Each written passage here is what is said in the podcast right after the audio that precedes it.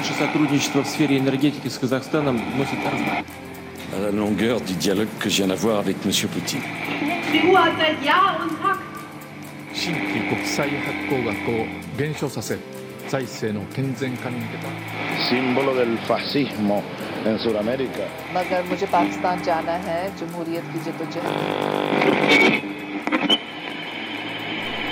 I sommeren 2017 har, alt annet, har vært alt annet enn kjedelig med konflikter og intriger i alle verdenshjørner. I Europa fant man et av de mest spennende G20-møtene på lenge, med konflikter blant verdens mektigste ledere. I maktvakuumet som har blitt etterlatt av USAs mange diplomatiske blundere, har verdensledere som Merkel, Putin og Xi Jinping begynt å slåss om å fylle dette vakuumet. To andre personer som har vært tydelige på G20, har vært Emmanuel Macron og Donald Trump. Macron har knapt vært Frankrikes president i 100 dager, og allerede er populariteten hans synkende. Frankrikes Boy Wonder har ikke klart å leve opp til entusiasmen han klarte å samle under valgkampen for å bli president. Donald Trump er også en mann som har klart å skuffe mange, med nærmest konstante konflikter mellom han, staben hans og det republikanske partiet i Kongressen. Etterforskningen av Russland sin involvering i den amerikanske valgkampen har også satt et tydelig preg, på Trump, og mange av hans støttespillere er nå borte. Ikke bare har Trump interne fiender han må slåss mot, han har eksterne også. I både Nord-Korea og Venezuela har situasjonene forverret seg. Nord-Korea har prøveoppskytninger av atomraketter og er stadig nærmere å ha et fungerende atomarsenal. I Venezuela blir de humanitære forholdene bare verre og verre. Det er mangel på alt fra mat til medisin og toalettpapir. Nicolas Maduro klorer seg fast i makten og nekter å gi folk i Venezuela muligheten til å være med å bestemme. Demokratiet i Venezuela er nærmest ikke-eksisterende.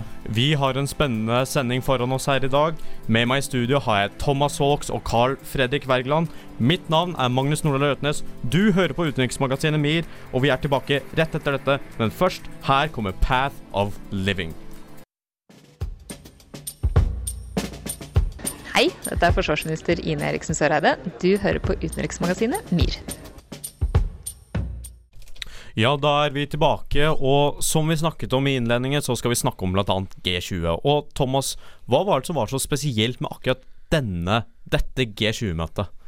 Dette var nok det første G20-møtet vi har sett uh, i historien, hvor uh, USA så ut som det var det landet som var litt på utsiden av resten av gjengen. Ofte ser vi mer eh, gjerne Kina har hatt den posisjonen, eller Russland har fått den posisjonen.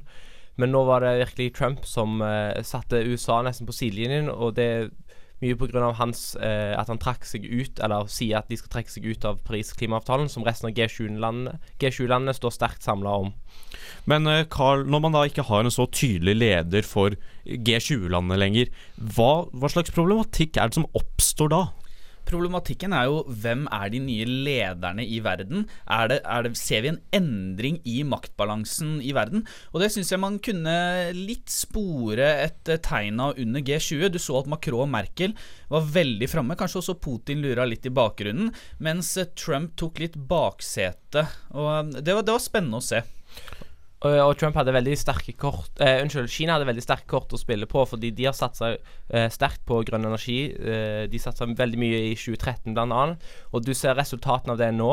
Og eh, Både Merkel og Macron vet at eh, framtiden er grønn energi, og du kan se at de gjerne begynner å vende seg mer mot Kina som, og ser på de som viktigere handelspartnere. Eh, gjerne i den kommende tiden framover pga. Eh, de satsing på grønn energi. Og Dette med grønn energi og klima var også veldig tilstedeværende under G20-møtet. Det var jo store protester på, på, akkurat dette, for da hadde jo akkurat Trump trukket eh, USA ut av Parisavtalen, mens alle de andre landene gjorde det helt tydelig vi skal overholde våre forpliktelser. Dette gjør USA på egen hånd. Ja, men Thomas, altså, sier ikke det litt når både Russland og Kina er villige til å fortsette med Parisavtalen, mens USA går ut av den? Eh, jo, de har satt eh, USA i utrolig klønete, en utrolig klønete posisjon. For til og med USA, i USA gikk jo eh, mange store businessledere ut eh, for de største selskapene og sa at jo selvfølgelig er grønn energi og det USA må satse på, sånn som Norge òg må satse på grønn energi selv om vi har olje. Så, så selvfølgelig må måte, De må gjøre det beste ut av en dårlig situasjon, rett og slett, USA nå. Det at eh, Trump trekker USA ut av Parisavtalen, setter han i et veldig dårlig lys ellers i verden. Men jeg tror faktisk i USA så setter han i et godt lys blant mange. Han ble valgt mainly i rustbeltet. Der ligger det store kullbedrifter. Disse kan nå åpne virksomhet igjen. Det åpner for at mange av de som stemte på Trump, faktisk får gjennomslag for det Trump sa han skulle gjøre. Han sa han skulle skape arbeidsplasser i USA.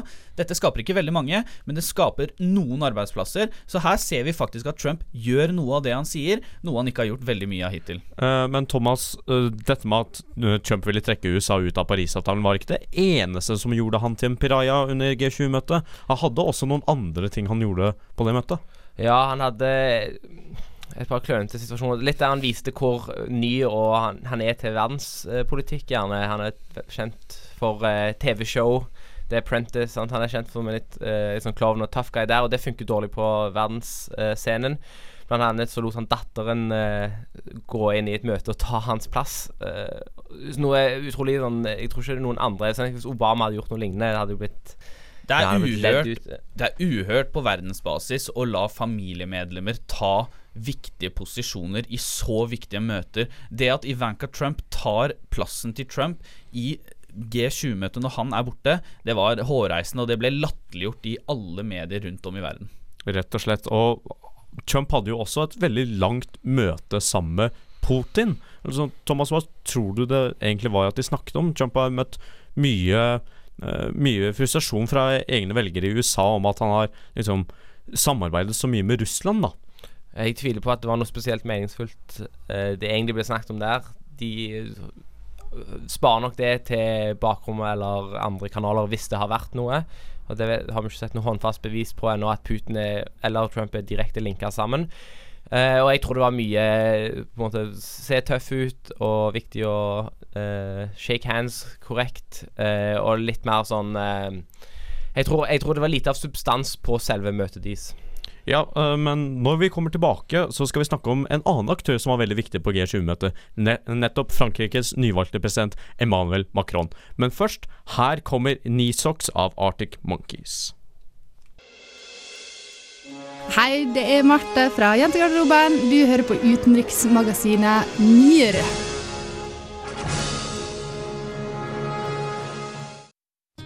Det er nå over et år siden britene hadde folkeavstemningen om å gå ut av EU, og forhandlingene er godt i gang. Ukentlig hører vi hvordan briter er misfornøyde med forhandlingene, og at den britiske regjeringen sliter med å levere det de lovte. Det siste løftet, som virker brutt, er at rettssystemet vil fortsette å være underlagt EU-domstolen. Selv etter at Storbritannia er ute av unionen. Det var et viktig punkt under valgkampen å fjerne domstolene fra EU, fordi avstemningen var for mange en avstemning om å ta tilbake makten og styringen av landet. Det var nettopp dette med selvråderetten som var så viktig for de som ønsket å forlate unionen. Domstolene er ikke det eneste som Theresa May sin regjering måtte gå tilbake på.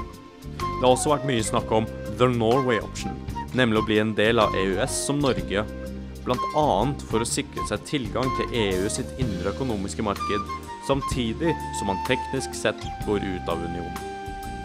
Dette har vært et populært alternativ for de som stemte for å fortsette å være en del av EU, og de som angrer på at de stemte for å gå ut. For utsiden hadde kun vært ett alternativ som vært akseptabelt, nemlig å gå fullt ut av unionen, ofte kalt en hard brexit. Alternativet med EØS-medlemskap blir ofte omtalt som en soft brexit. Økonomisk sett er det smarteste valget å ha en soft brexit, nemlig fordi da kan Storbritannia fortsette å være en del av det indre markedet. Det betyr også at de slipper å forhandle fram en omfattende handelsavtale som kan ta både lang tid å forhandle frem og være skadelig for økonomien. Under valgkampen fram mot folkeavstemningen så var det flere britiske politikere som omtalte medlemskapet til EU som å være lenket til et lik. Lenge var Storbritannia et av de landene i EU med høyest økonomisk vekst, men nå, midt under forhandlingene om å forlate unionen, har de en av de svakeste. Selv kriserammede Italia har nå høyere økonomisk vekst, enn Storbritannia. Mye av usikkerhetene rundt forhandlingene har gjort at mange store selskaper i London ser etter nye lokaler i kontinental-Europa, bare for å fortsette å være i det indre markedet. Dette er en holdning som gjenspeiler seg i andre deler av økonomien også.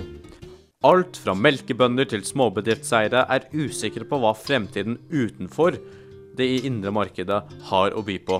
Så EØS-alternativet, eller soft brexit, virker mer og mer ettertraktende. Det vi nå ser, er at brexit-forhandlingene er mye mer krevende enn det som ble først antatt. Den britiske regjeringen ser ikke ut som at de vil klare å få gjennom alle valgkampløftene i forhandlingene med EU. Det er veldig tydelig at britene er mer avhengig av EU enn det EU er av britene for å få til en god avtale. Framtiden vil vise om forhandlingene kommer til å gå stille for seg, eller om de kommer til å være konfliktfylte og krevende. Men én ting er sikkert, og det er at Storbritannia kommer til å gå ut av EU med eller uten en avtale. For instance, there are prejudices about the age at which people can begin a new career. I will not make age an issue of this campaign. I am not going to exploit my opponent's youth and inexperience. Det er aldri for sent å lære noe nytt. Utenriksmagasinet MIR hører du mellom 11 og 12 hver fredag på Studentradioen i Bergen. Da er vi tilbake her i Utenriksmagasinet MIR. Med meg i studio har jeg Thomas og Carl. Mitt navn er Magnus. Og Carl, vi har snakket litt om eh, Emmanuel Macron i Frankrike. Men hva er det som har skjedd med Mr. Boy Wonder nå i løpet av sommeren? Jeg syns egentlig Macron har klart seg veldig bra. Jeg syns han har uh, vært en fin figur som fransk president. Sett veldig presidentaktig ut, spesielt når han hadde besøk av Trump og under G20-møtet. Men det er tydelig at franskmennene mener noe annet enn meg, for han har stupt på meningsmålingene. Han har akkurat gjort ferdig sine første 100 dager som president, og noen meningsmålinger viser at han har under 36% oppslutning blant det franske folk, noe som er dramatisk. Ja, og Thomas, hva er det som har vært så upopulært med nettopp disse reformene han har gjennomført? Det var jo det han lovte at han ville gjøre. Ja, det er det han lovte han ville gjøre til sine, og sin, til sine kjernevelgere, så er han veldig populær. Det er viktig å huske at han fikk 24% i første valgrunde. Og eh, så var det veldig mange i den eh, valgrunden mot Le Pen, den andre valgrunden, når det var bare de to kandidatene som stemte mer mot Le Pen enn for Macron. Så det er gjerne de velgerne, velgerne som nå har begynt å vende seg mot han, de som var, er lengre til høyre, og de som er lengre til venstre enn Macron. Ja, det er to, to, ting jeg har bitt meg merke på som liksom har gjort Macron veldig upopulær nå. Og Det er dette som uh, Thomas nevner med reformene. Macron ville uh, reformere arbeidslivet. Han vil gjøre det lettere lettere å ansette og, og, sparke folk, altså gjøre det mer fleksibelt i arbeidslivet. Det har ikke slått, eh, Nå har ikke reformene satt inn ennå, men veldig mange er eh, kritiske til reformene hans. Og så er det nummer to, det er konfliktene. Det har vært en del konflikter innad i regjeringen. Han har sparket tre ministre. Forsvarssjefen har gått av fordi Macron vil bruke mindre penger på Forsvaret. Så det har vært litt konflikter internt. Og den tredje tingen som jeg kan legge på på slutten her, er at uh, han ville gi kona si offisiell status som førstedame med lønn. Det har vært veldig upopulært. 300 000 uh, franskmenn signerte på uh, en sånn blankett mot dette. Men Thomas, altså Emmanuel Macron sa jo at han ville samarbeide med både høyre- og venstresiden, og det har han jo gjort i regjeringen sin. Det er jo ikke overraskende at det har vært konflikter der, og det er noen som har funnet ut at nei, dette her går ikke. Men hvorfor blir det da et tema når det var så forutsigbart? Det er nok eh, mer den generelle politikerforakten som finnes i Frankrike. Det er jo en grunn til Le Pen kom til andre valgrunde, og han langt mot høyre Nei, unnskyld. Den langt mot venstre-kandidaten eh, som stilte i første valgrunde, som nå jeg ikke husker navnet helt Mélenchon. på Mélenchon, ja. Han fikk 18-19 eh, Så folk er, har lyst på en forandring, og de har gjerne Men det er gjerne ikke de skattekuttene Eh, og de økte Eller budsjettkuttene som IMF trer ned på hodet på de, som EU-sentralbanken anbefaler de. De har lyst på å se en sterkere fransk stat eh, på venstresiden. På høyresiden har de lyst til å se strengere innvandringskontroll, eh, strengere mot religion og islamisering. Så de føler ikke hjertesakene sine er møtt i det hele tatt ennå. Og så er det kanskje også litt sånn at Under en valgkamp så høres forandring veldig fint ut og reform og veldig spennende, men når det nå nærmer seg og de får det på kroppen, så blir det skummelt. Rett og slett. Uh, men Thomas, altså de, siste, de siste målingene jeg har sett av Emmanuel Macron sin popularitet, har jo vært at han er nede på 36% Han ble jo valgt inn med over 60 Han var jo populær i store, store deler av befolkningen, men er det nå slik at både ytre høyre og ytre venstre vender seg mot han? Ja, men det, har de, det hadde de nok alltid gjort, nesten. Det hadde vært vanskelig å klare å holde på det engasjementet og den freshe stemningen. Han var helt ny i politikken. Litt sånn som Trump. Han var en helt ny, han kom utenifra. Uh, så, men Macron han er valgt inn for den perioden, og han ser ikke ut til å, å kunne ta en Trump og bli avsatt på noen som helst eh, dum måte før han er ferdig. Så dette er et langtidsprosjekt for han. Og det som blir viktig, er tallene på den franske økonomien, arbeidsledigheten og sånne viktige makroøkonomiske tall. Eh, det er det Macron bryr seg om. Han er en tidligere investor. Han forstår seg på økonomi, og han vet at hvis han får den franske økonomien på kjøl igjen, blir konkurransedyktig med Tyskland, så vil eh, populariteten snu, han vil begynne å øke igjen. Her må vi ha litt is i magen, tror jeg. Macron er en uh, klok kar. Jeg tror vi, ikke skal, vi skal ikke dømme han for tidlig. Han har bare vært president i et 100 dager og litt til. Vi må vente til reformene har blitt satt i gang, og til vi ser effekten av det, før vi dømmer han på politikken hans. Ja, og når vi kommer tilbake uh, etter den lille musikkpausen, så skal vi snakke mer om personen vi har nevnt i flere anledninger, nettopp Donald Trump og USA. Men aller først, her kommer 'Money' av Anna of the North. Mitt navn er Jørgen. Jeg kommer fra Banalpolitikk, og du hører på utenriksmagasinet MIR.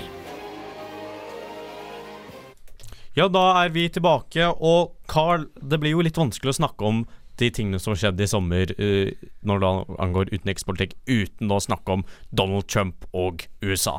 Ja, vi må nesten ha med Trump, fordi i USA så har det vært et salig kaos. Det ser jo ut til at uh, Donald Trump har virkelig tatt med seg sin tidligere karriere inn i Det hvite hus. Det virker som det er The Apprentice, uh, The President version som går der borte nå, for her er det You're fired i alle kanter.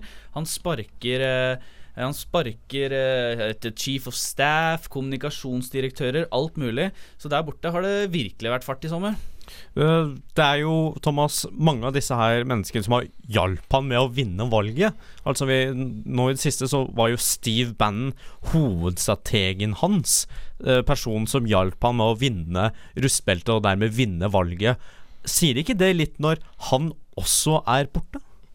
Jo, dette kan være et det er vanskelig å vite hva dette er. Det kan være et siste forsøk fra den eh, republikanske partieliten sin side etter han sparka Ryan Privus, som kom fra eh, den bakgrunnen. Og de har satt inn nå han John Kelly, som er en general, og prøver å få orden på Trump. Og det er han som sparka bl.a. Scaramucci som Trump hadde selv valgt, det var en kompis av Trump. Så det er en intern maktkamp som foregår, som handler om å være nærmest Trump, og handler om å ha Trumps øre. Og men Trump han mista allierte, og han, eh, nå gikk han bl.a. tilbake på et av sine eh, valgløfter, en av de siste han ikke hadde klart å bryte. Og dette var noe han hadde faktisk rett på, at de, vi burde trekke oss ut av Afghanistan, sa han i valgkampen. Nå har han gått ut og sagt at vi skal ha 3000 flere soldater. Så nå er det virkelig Han mister alt av eh, støtte. Ja, altså, det, det sier jo litt når Trump vakler såpass mye, og han har jo ikke klart å få gjennom et eneste lovforslag i Kongressen. Det ser jo bare ut som at det er en stor intern maktkamp som han bare satt USA sånn De klarer ikke å gjennomføre noe, Carl. Nei, de gjør jo ikke det. Og det eneste vi kan stole på Trump, som han sa under eh, valgkampen, det var 'I like to be unpredictable'. Og det har han i hvert fall levd opp til eh, til det fulle. Og du ser jo Det er jo vanskelig for Trump også, for det, selv om republikanerne har flertall i begge husene, så er det i utgangspunktet akkurat nå tre partier. Du har eh, ytre høyre fløy, altså Tea Party-bevegelsen, representert med Ted Cruz. Så har du det vanlige republikanske partiet, og så har du Trump sin regjering, som liksom er en egenart av det republikanske partiet. Så det at han ikke har fått gjennom noen lovforslag, er ikke så veldig merkelig. Og Thomas, det her er jo ikke det eneste som har plaget uh, Trump uh, som president. Altså det har vært nei, uh, etterforskningen av om Russland faktisk hjalp han med å vinne valget, og det ser jo ikke ut til å gå bort. Nei, det har dukka opp en del nye fakta. Blant annet ble det møtet bekrefta mellom Donald Trump jr. og en russisk advokat som hadde eh, som hadde jobba tidligere for oligarker, som da igjen har tjent sine penger med å være venn med Putin. Så det fins på en måte Det er noen spor gjerne, men det er ingen håndfaste bevis. Jeg syns det mest interessante som har kommet fram denne sommeren, eller, men egentlig som vi har visst lenge, er hvordan Trump har tjent sine penger og holdt seg flytende uten å gå konkurs gjennom å hvitvaske penger for russiske oligarker. Eh, Kasinoet han eide i Atlanta, ble idømt den største straffen noensinne, den største boten noensinne, for å For å bevisst være med på å hvitvaske penger. Så det, det er økonomiske spor tidligere i Trumps businesser, men nå handler det om å finne håndfast bevis som faktisk er godt nok til å si at han er inhabil som president. Og Trump gjør det jo ikke akkurat lettere for seg ved å først sparke James Comey, som var sjef for FBI, som etterforsket denne forbindelsen mellom Trump-administrasjonen og Russland, i tillegg til at Trump liksom er best friends med Putin og har et veldig godt forhold til han. Så han gjør det ikke akkurat lettere for seg selv heller, eh, Trump. Det gjør han ikke. Nei, altså, det, det ser jo ut som at det skaper mye problematikk. Og du nevnte det så vidt, Thomas, i stad, at han har nå valgt å sende flere tropper inn i Afghanistan. Så kan det være en sammenheng mellom de interne stridene i USA og hvordan det blir reflektert på utenrikspolitikken hans? Ja, absolutt. Det er veldig en klassisk eh, strategi og sånn, og Bill Clinton ble beskyldt for det samme, at han slapp et par ekstra, skjøt et par ekstra raketter inn i Afghanistan når han ble tatt for denne Monica Lewinsky-skandalen. Og, og distrahere, prøve å distrahere og, og fylle nyhetsbildet med eh, krig er en kjent amerikansk strategi, fordi det er deler av det republikanske partiet som hater Trump, bl.a. Eh, John McCain, som nå kommer ut og støtter han, og synes, klapper i hendene og syns det er så fantastisk han, at han viser et sterkt USA i utenrikspolitikken. Ja, og når vi kommer tilbake etter dette, så skal vi se på en av hovedfiendene til USA, og det er nemlig Nord-Korea. Men aller først, nå kommer Take It Slow av Phaser Days. But I want to say one thing to the American people. I did not have sexual relations with that woman, Miss Lewinsky. I never told anybody to lie, not a single time, never. Sannheten kommer alltid for en dag i utenriksmagasinet MIR. Og det er veldig riktig. Sannheten kommer alltid for en dag her i utenriksmagasinet MIR. Med meg i studio har jeg da Thomas Hawks, Carl Fredrik Wergeland og meg, Magnus Røtnes. Og Thomas, Nord-Korea har jo også vært mye oppe i media eh, under sommeren. Altså De har jo begynt å være litt mer sånn frekke i kjeften, rett og slett. Ja, ikke bare frekke i kjeften, de har òg skutt opp eh, missiler. Og de har skutt de lengre og mer presist enn noen gang. Eh, de er, fortsetter å videreutvikle atomprogrammet sitt. Og eh, de beveger seg sakte, og, eh, sakte videre mot en uh, reell trussel til verdensfreden. At de har så store atomkraft at de kan faktisk utslette land. Og USA har lenge snakket om at ja, vi må gripe inn på et eller annet tidspunkt, men nå har retorikken fra USAs side spesielt eh, blitt mye tøffere og mye hardere å møte eh, retorikken til Nord-Korea på samme nivå. Ja, Vi ser jo det i sommer. Det har vært eh, ordkrig mellom eh, USA og Nord-Korea i det siste. Og det eneste som eh, Så har vi da Kina som ligger og stabiliserer det hele, som sier at hvis USA, hvis dere angriper Nord-Korea, så er det krig. Men hvis, så det er, en, det er veldig anspent der, situasjon der nå. Ja, altså Vi ser jo at uh, Kim Jong-un, som da er uh, den tredje lederen for Nord-Korea, han er jo veldig hard med dissidenter innad i Nord-Korea. Altså Han har jo drept sin egen onkel og har konsolidert makten sin noe veldig. Og Thomas, er det et tegn på at det kan begynne å gå nedover for Nord-Korea, eller er det at de klarer nå å skaffe seg atomvåpen og bli bare enda mektigere. Internt er det vanskelig å si hva som foregår i Nord-Korea, og det er vanskelig å vite noe med noen form for presisjon, fordi det som er motstridende nyheter, og det er et utrolig lukka land fortsatt. Uh, så, så fram til vi finner noe håndfast lik, sånn, sånn, så er det umulig å vite den interne maktkampen som foregår i Nord-Korea. Men, men, det er klart at uh, Vi snakket nevnt tidligere at ja, kanskje det er en strategi å fokusere på utenrikspolitikk når det går dårlig innenriks. Og både for Trump og Kim Jong-un så ser det ut som en veldig logisk strategi for de begge to, for de har interne problemer. Men med å snakke Med å true med atomkrig, så blir alt annet uviktig. Mange trodde at Nord-Korea kom til å gå dukken når Sovjetunionen gikk dukken, at da var Nord-Korea neste, men de har holdt seg flytende, de, og de ser ut til å holde seg flytende ennå, og de bruker jo masse penger på dette atomprogrammet sitt, så det er vanskelig å si hvordan Nord-Korea kommer til å Hva som kommer til å skje der i fremtiden. Men eh, når regimeskifter eh, skjer, og når diktaturer faller, så går det som regel veldig fort, så det kan jo håpe da at Nord-Korea faller snart. Men Thomas, hva er Kina sin rolle oppi alt dette her? Altså, Nord-Korea har bare én alliert, og det er Kina. Ettersom at Sovjetunionen eh, opphørte å eksistere, så mistet de en veldig viktig støttespiller. Nå har de bare Kina. Og hva er egentlig Kinas rolle i denne konflikten mellom USA og Nord-Korea? Jeg tror Kina liker å ha en eh, pitbull som bjeffer USA oppetter ryggen. Og det får USA til å eh, måtte vise muskler, og, men samtidig uten å skal USA, Det setter USA i en vanskelig posisjon. Skal de faktisk gripe inn, og de risikerer og at flere hundre millioner dør i Sør-Korea, selv om uten atomvåpen. Skal de bruke et atomvåpen? Det hadde vært helt uhørt. Samtidig får Kina lov å ligge og se ut som en fredsmegler. De, de får være den som sitter og sier Å, nå må begge roe seg ned, nå må begge slappe av. De får være den eh, ta den litt sånn voksenrollen i, eh, i rommet.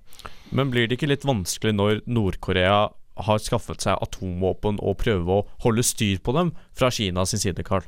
Jo, det er umulig å si, for vi vet ikke hva denne Kim Jong-un er i stand til. Men det som i hvert fall er helt tydelig, er at Kina vil ikke ha noe mer amerikansk innflytelse i Asia. Eh, eh, USA er kraft, eh, allierte med Japan og Sør-Korea, i tillegg til å ha mange marinebaser, bl.a. på Guam. De er ikke interessert i at Nord-Korea skal falle, og at eh, USA kommer inn og fyller et, et eller annet slags maktvakuum som måtte oppstå der. Derfor, dette, Det er mye av hovedgrunnen til at Kina støtter Nord-Korea. De vil ikke ha USA så nærme seg selv. Rett og slett, altså de, Thomas, vil du si at de, de bruker Nord-Korea litt som en bufferstat? da? Litt som eh, østblokklandene var under den kalde krigen?